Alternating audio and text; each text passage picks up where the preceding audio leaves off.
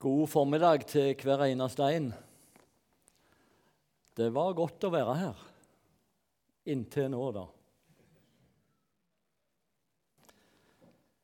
Og eh, jeg er så gammel som noen andre i denne forsamlingen òg er. Og noen er faktisk eldre enn meg òg. Men jeg gikk i sin tid på lærerskolen i Kristiansand i midten av 70-åra. Da var bl.a. Kristoffer Fjelde bysekretær, som det het på den tida. Og Da var vi en gjeng med studenter som gikk i det gamle misjonshuset, der som Slottet omtrent ligger nå. Det var godt å ha ei sånn forsamling mens du tok en form for utdannelse. Og det syns vel mange studenter den dag i dag, tenker jeg. Godt å ha en plass utenom studentmiljøet òg. Takk for innbydelsen til å være med, forresten. Det satte jeg pris på. Det er sånn at Når vi er ute og preiker på søndags formiddager, så prøver iallfall jeg for min del å sette meg ned med dagens tekst. Det har jeg godt av sjøl. Og jobbe med en annen måte enn det en gjerne gjør til vanlig. Noen av tekstene er vriene og vanskelige, syns jeg. Men jeg vil se den preikeren, lek eller lærd, som ikke noen gang har vært borti denne teksten før. Men det er ikke dermed sikkert at det blir åpent og godt, som vi sier.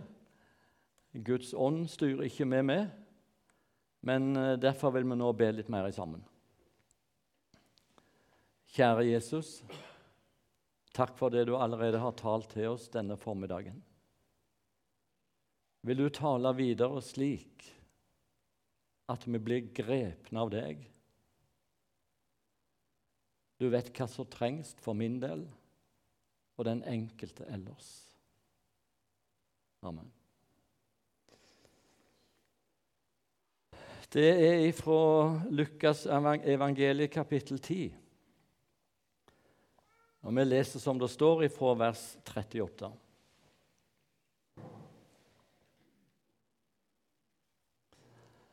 Mens de var på vandring, kom han inn i en landsby og en kvinne ved navn Martha tok imot ham i sitt hus. Hun hadde en søster som het Maria. Hun satte seg ved Jesu føtter og lyttet til hans ord. Men Martha var travelt opptatt med alt som skulle stelles i stand. Hun gikk da bort til dem og sa, 'Herre, Bryr du deg ikke om at min søster har latt meg bli alene med å tjene deg? Si da til henne at hun skal hjelpe meg. Men Herren svarte og sa til henne, Martha, Martha, du gjør deg strev og uro med mange ting, men ett er nødvendig. Maria har valgt den gode del som ikke skal bli tatt fra henne. Vær så god og sitt. Jeg tenkte forresten på det. Nå har det vært bedt opp til to-tre ganger i dette møtet allerede at vi må få et greit møte. Jeg syns det var litt morsomt med han guttungen som var med mammen sin rundt på møter. Kveld etter kveld. For pappaen var predikanten, så skulle de høre på han. Og hver gang han stilte seg opp før han skulle preke, så ba han til Jesus. Så sier guttungen til mamma en gang at Du, mamma, hvorfor ber pappa til Jesus hver kveld før han skal tale? Jo, sa mamma, han ber til Jesus at han må hjelpe han, så det går greit. Men, men mamma, hvorfor hjelper ikke Jesus han da, da? sa han.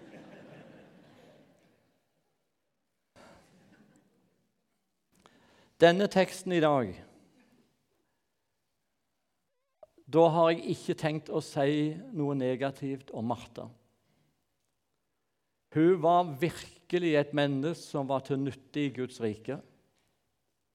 Og Du finner også igjen bl.a. i forbindelse med at Lasarus var død. Hun var den første som kom Jesus i møte mens Maria satt hjemme og sturte. Hun var ei av Jesu venner. Men likevel så understreker teksten i formiddag ett er nødvendig. Maria har valgt den gode del som ikke skal bli tatt fra henne. Av alt som er flott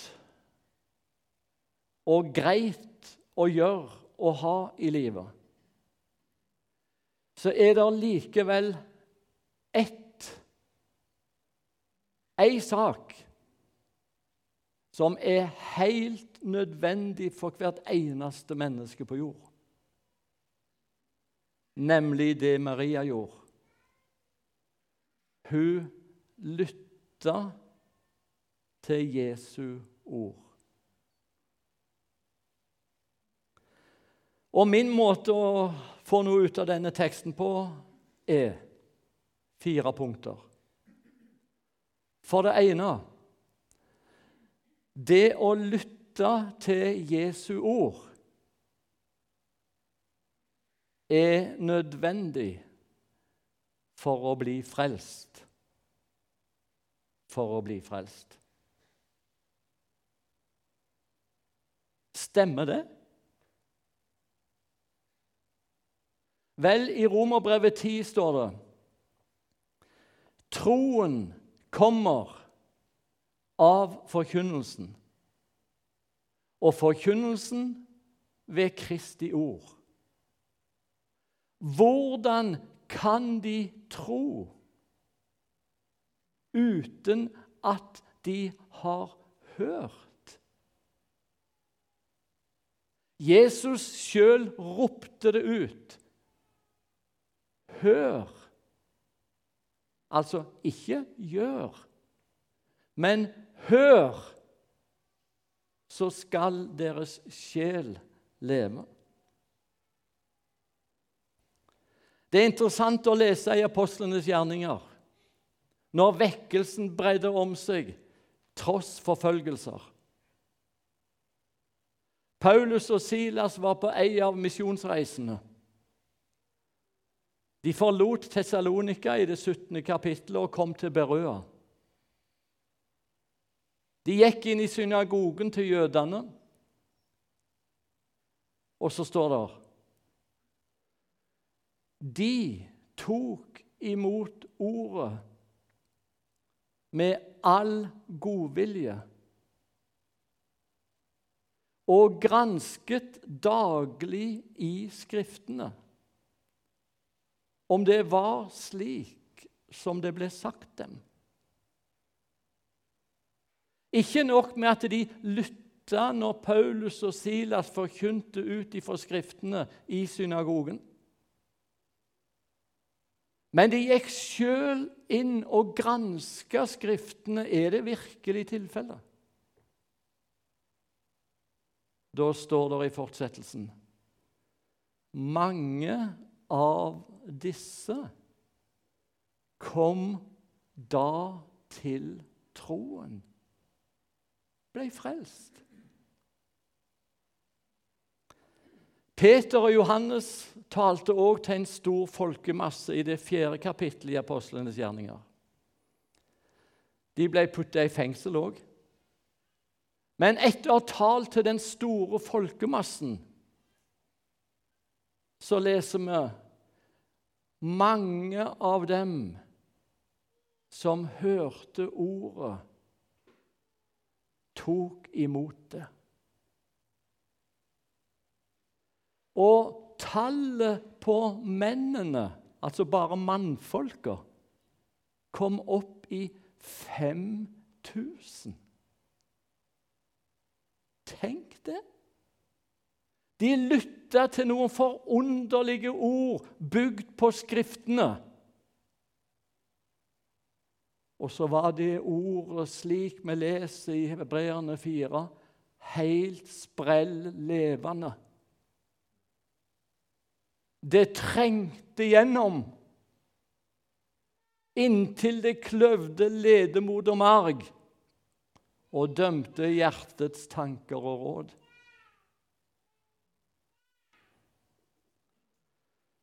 Våre utsendinger til flere av våre misjonsfelt har mange en gang opplevd noe av det samme. Til og med første gangen landsbyen ble nådd med det troende kristne budskapet. Aldri hadde de hørt Jesu navn nevnt. Misjonæren las ifra Skriftene og la det ut. Og forkynte levende om en som var sterkere enn Satan.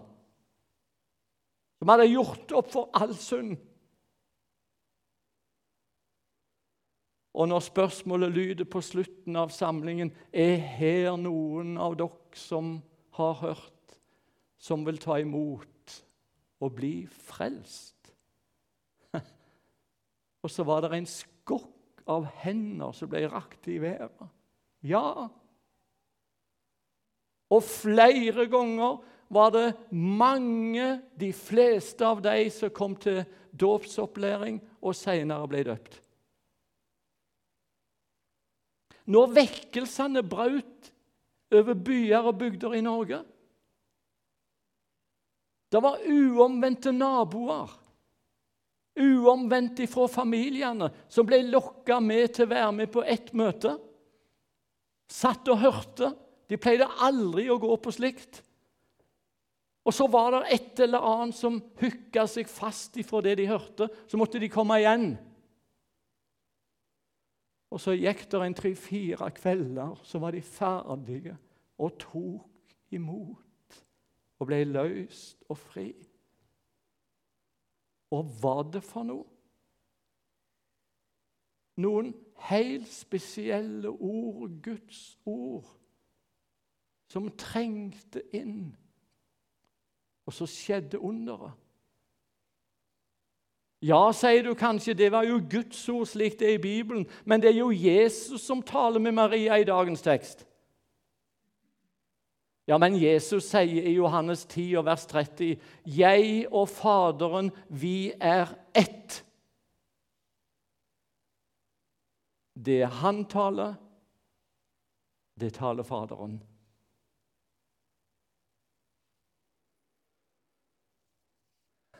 Jeg kan ikke få glemt teltmøtet vi hadde litt lenger vestpå. Vi hadde mobilt studio med oss, ei gammel campingvogn som var ombygd til et studio og trilla rundt og plassert i bygdene.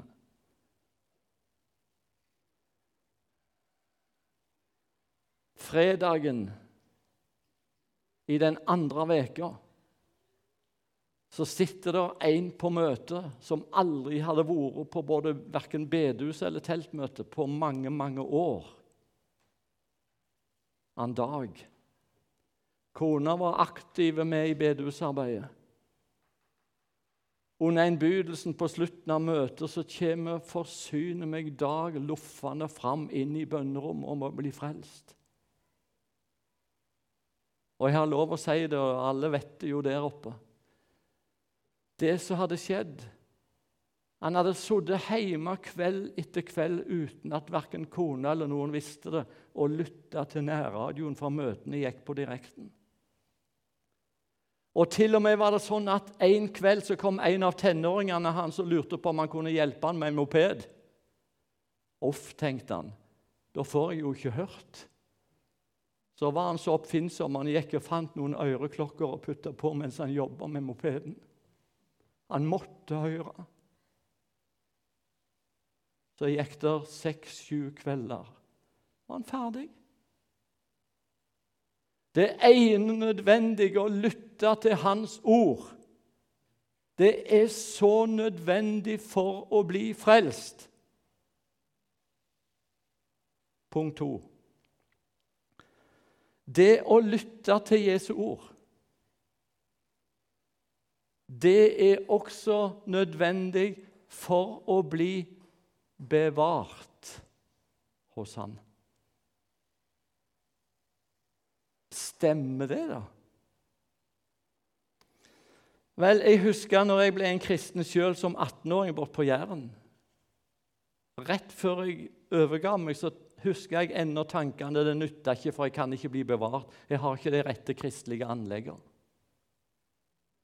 så står jeg forsyner meg her i dag, mangfoldige år etterpå, og tror jeg hører Jesus til fortsatt. Hva er det som har skjedd? Jeg har stadig fått lytte til og lese noen ord som har nådd inn og fornye. igjen og igjen.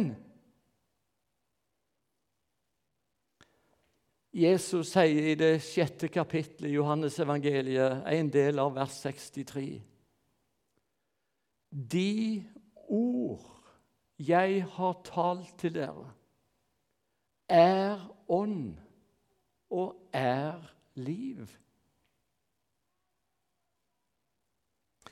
I Salme 105, nei, 102 vers 5 så leser vi om salmisten. Han var nok en aktiv mann i gudstjenestelivet da. Men så oppdaga han noe fælt om sitt eget liv. Og så uttrykker han seg slik Mitt hjerte er som solsvidd og visnet gress.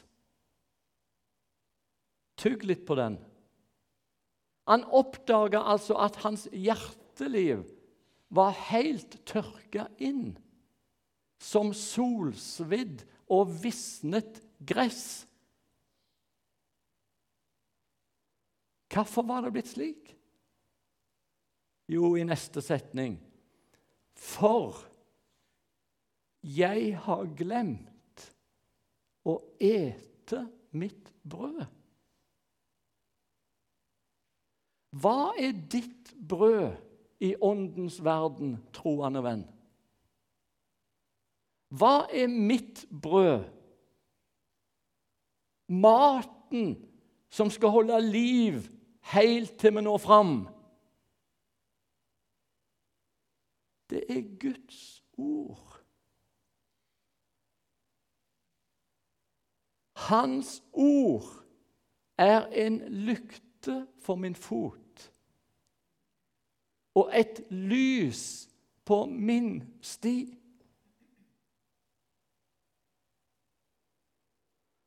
Du trenger ikke svare.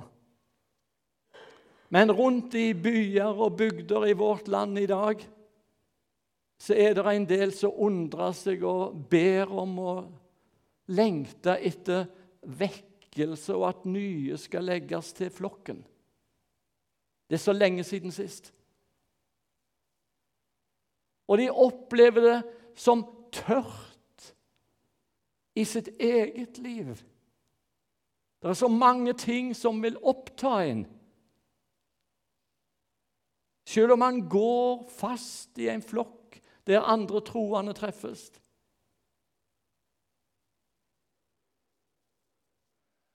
Jeg håper virkelig at vi er en flokk her i formiddag som ikke bare vet om og kan være med å gi det rådet til andre som måtte være nye på veien. At vi må inn i Guds ord og la det få nå oss og tale med oss. Jeg håper du lever i det. Og ikke bare vet om at jo, sånn er riktig.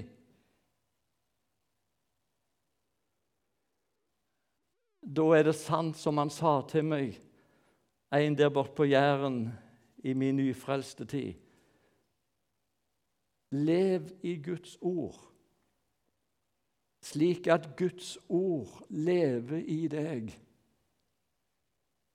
Da når du fram og blir bevart. For det tredje Det å lytte til Hans ord, det er nødvendig for å bli brukt av Jesus. Er det sant?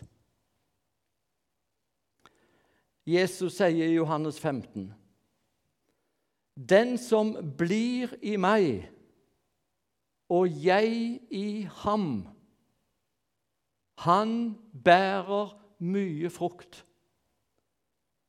Og han sier videre.: Dersom dere blir i mitt ord, er dere i sannhet mine disipler.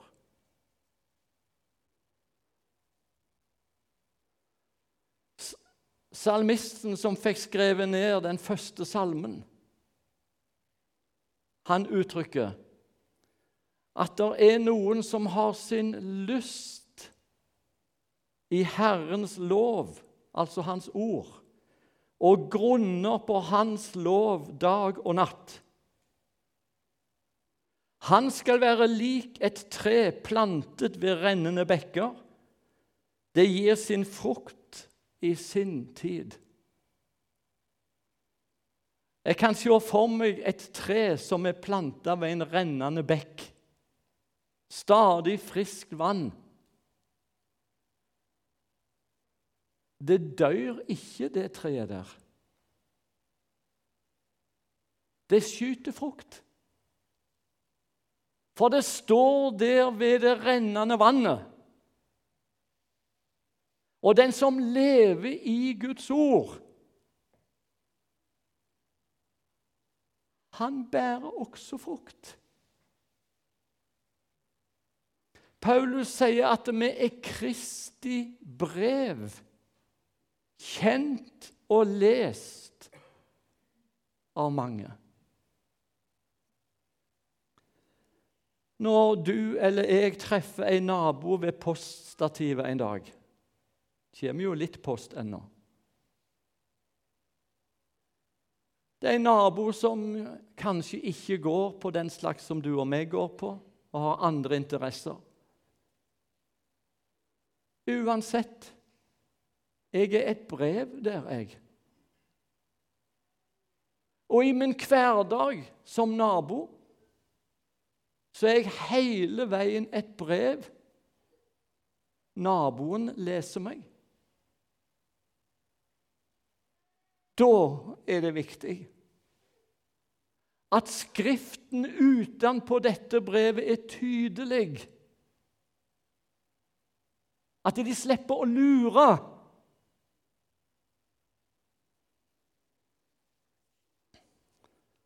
Før i tida, når vi skrev brev på papir. Det ble grusomt utydelig hvis arket du skrev på, lå og vippa i fanget på deg og rista. Stakkars deg som skulle tyde det da.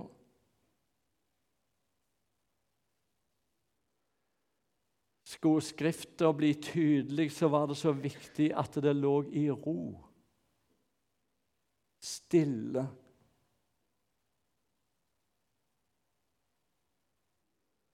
Slik er det også i Guds rike.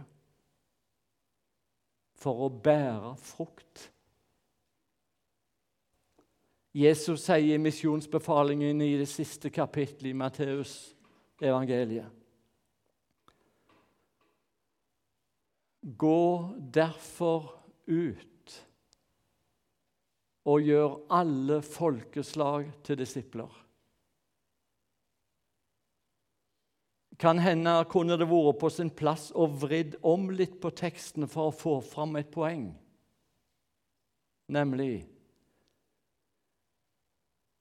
Gå derfor inn og gjør alle folkeslag til disipler. Inn i dette ordet, så vi får noe å gå ut med.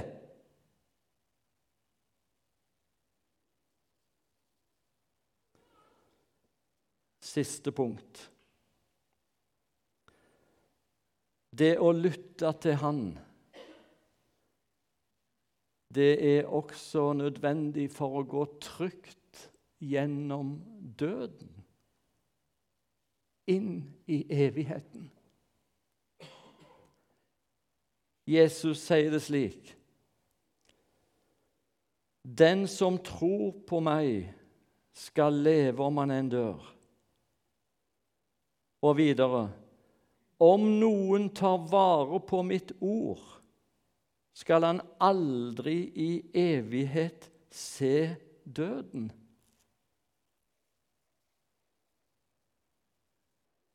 Har du sittet ved dødsleiet til noen du kjenner godt?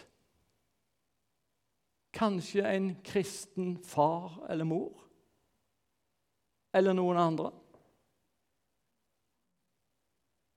Kan du tenke deg noe som smaker bedre for dem enn når du får lest noen ord ifra Guds ord? De suger til seg. I den siste reis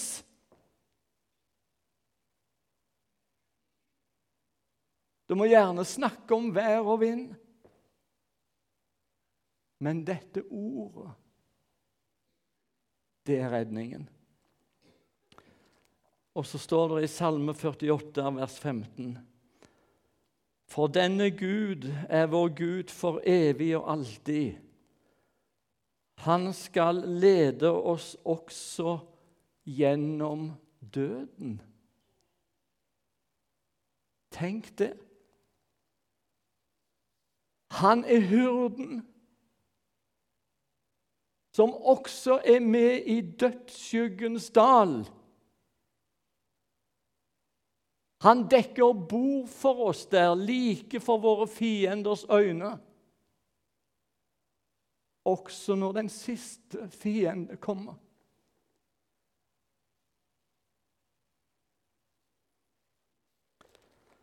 Jeg håper virkelig at dette ordet ifra Gud, ifra Jesus, har nådd inn hos den eneste, hver eneste en her. Og hva er egentlig selve budskapet framfor alle budskap i dette ordet? Hva er det som er det sentrale om du skulle plukke ut noe? Det er budskapet om Han som heter Ordet med stor O.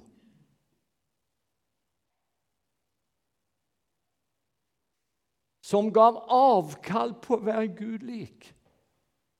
Og tok en tjenerskikkelse på seg og kom ned her for å kjøpe ei fortapt menneskeslekt hjem. Det er ordet om korset. Han, Guds sønn, ja, Gud sjøl, døde og tok straffa på et kors for å frambringe et evig liv for menneskeheten. Blir alle da automatisk frelst? Nei, alle dem som tok imot Jesus, ga Gud rett til å bli hans barn. Dem som tror på hans navn. Til slutt Jeg fikk lov av Geir å gå fem minutter over tid. Han skulle iallfall ikke rope meg ned. Helt siden jeg reiste med han Arne Orno i min ungdom. Det var han som fikk oss ungdommene ut til å reise da, i sin tid. Og videre, når Han var jo en del med Gerhard Fjelde og kjente til den Fjelde-slekta. Og så husker jeg de, de fortalte noe som jeg av og til har brukt både på barnemøte, familiemøte og voksne møte. Det var guttungen som gikk trufast på søndagsskolen. Men så hadde han så problemer med å huske minneordet til neste søndag. Han var glemsk. Fikk det ikke til. Men en dag så var søndagsskolelæreren hun var veldig lur. Så sier hun 'opp med ei hånd, alle som er på søndagsskolen'. Og alle kom opp med ei hånd. Og så tar vi ett ord på hver fing. Herren er min hyrde. Herren er min hyrde. Gutt, guttungen kommer hjem til mamma etterpå så sier han han var litt kry. Vet du hva, mamma? Jeg, jeg husker min Nora. Det er på storefingeren. Det er noe godt som står der. Herren er min hyrde. Min. Tilbake neste søndag på søndagsskolen så var han oppe med neven om han kunne få si minneordet. Han hadde vel aldri gjort det før. Og Så sa han det, og så sier han etter søndagsskolen var slutt Og vet du hva, frøken? Jeg er altså blitt så glad i storfingen. For, for, for der står det 'min'. For å gjøre det kort. Han ble ute for ei trafikkulykke. Kom på sykehuset. Det var så alvorlig at det gikk bare én vei. Så på slutten, når sykepleierne kom inn og passet på han, og familie og slekt var på besøk, så fulgte de nøye med hvordan han lå. Og når foreldrene satt der den siste stunden, og en sykepleier også sto borti kroken der, så flytta han inn i evigheten. Men så sier sykepleieren til foreldrene etterpå Det var merkelig med han når han var her på sykehuset. For rett som det er om dagen når jeg kom inn til han, så lå han og smilte og holdt på storefingeren. Og så så dere jo sjøl de siste sekundene Guttungen lå og smilte og pinnholdt på storefingeren. Ja, sa mamma. Han hadde lært et bibelord. Herren er min hyrde. Han flytta på det. Guds ord. Helt inn i døden. Det var så nødvendig. Jeg håper du har fått tak i det. Og hvis ikke, må du skynde deg til Jesus. Det står om å gå fortapt eller å bli evig frelst. Kjære Jesus. Takk at du kom. Takk for ditt ord. Og du signer oss alle her til nå hjem og til å få være menneskefiskere. Amen.